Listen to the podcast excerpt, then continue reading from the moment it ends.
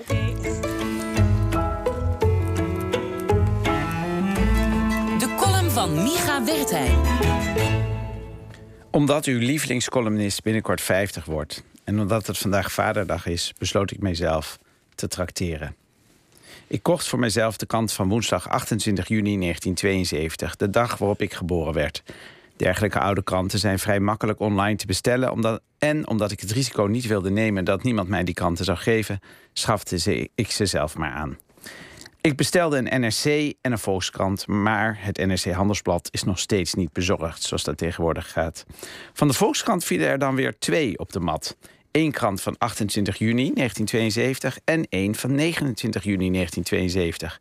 Waarschijnlijk een vergissing, maar wel een leuke. Want al het nieuws in de krant van 28 juni speelde zich natuurlijk af op 27 juni. Toen bestond ik nog niet. Terwijl de krant van 29 juni veel meer vertelt over wat er gebeurde op de dag dat ik ter wereld kwam. Beide kranten verkeerden in een haast perfecte ongelezen conditie.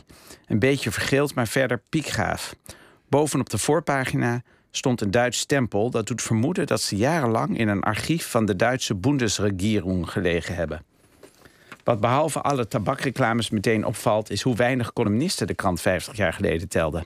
In de Volkskrant van 28 juni kan ik geen enkel opiniestuk vinden. In de krant van donderdag 29 juni staat wel geteld één column. Jan Blokker maakt een ongetwijfeld goed bedoelde vergelijking tussen vliegtuigen uit Amerika die speciaal gereserveerd zijn voor hippies en bussen in Zuid-Afrika die alleen donkere mensen mogen vervoeren.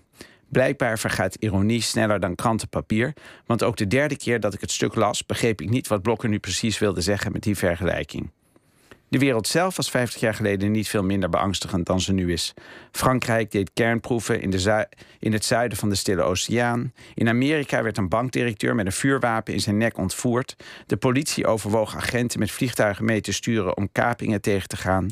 En in het nabije oosten was de situatie niet veel vrolijker dan ze nu is. Ook besteden de kranten veel aandacht aan de valutacrisis die 50 jaar geleden blijkbaar zo vanzelfsprekend was dat nergens moeite wordt gedaan om een lezer die de krant een halve eeuw later openslaat uit te leggen wat die valutacrisis nou precies betekende.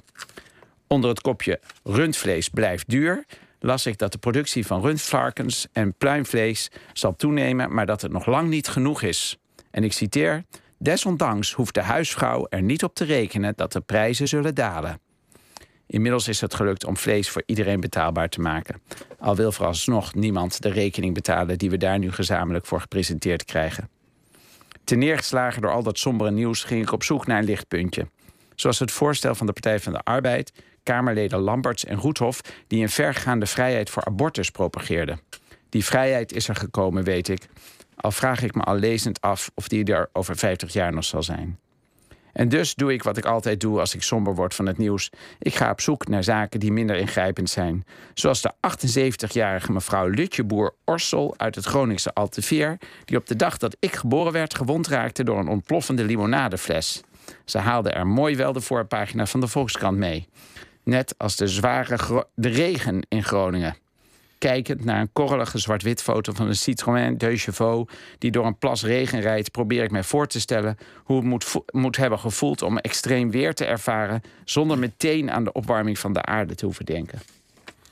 Ten slotte viel mijn oog op een prominente vacature van reclamebureau Nijg en van Ditmar. Die zochten 50 jaar geleden heel simpel een meisje van 18 jaar. Als ze haar gevonden hebben, is ze nu bijna 70. Ik heb overal over al die onderwerpen natuurlijk wel een mening. Maar na het lezen van die oude krant besef ik dat het helemaal zo erg niet is om die een keer voor mij te houden. Ja, Micha, dankjewel. Uh, mogen we je ook feliciteren? Uh, nog niet. Nog maar, niet, maar wanneer dan wel? Binnenkort. Daar had je beter op moeten letten. Volgens mij was het 28 juni, Jos, dat, uh, als ik het goed onthouden heb. Nou goed, ja. alvast tevoren gefeliciteerd en dankjewel.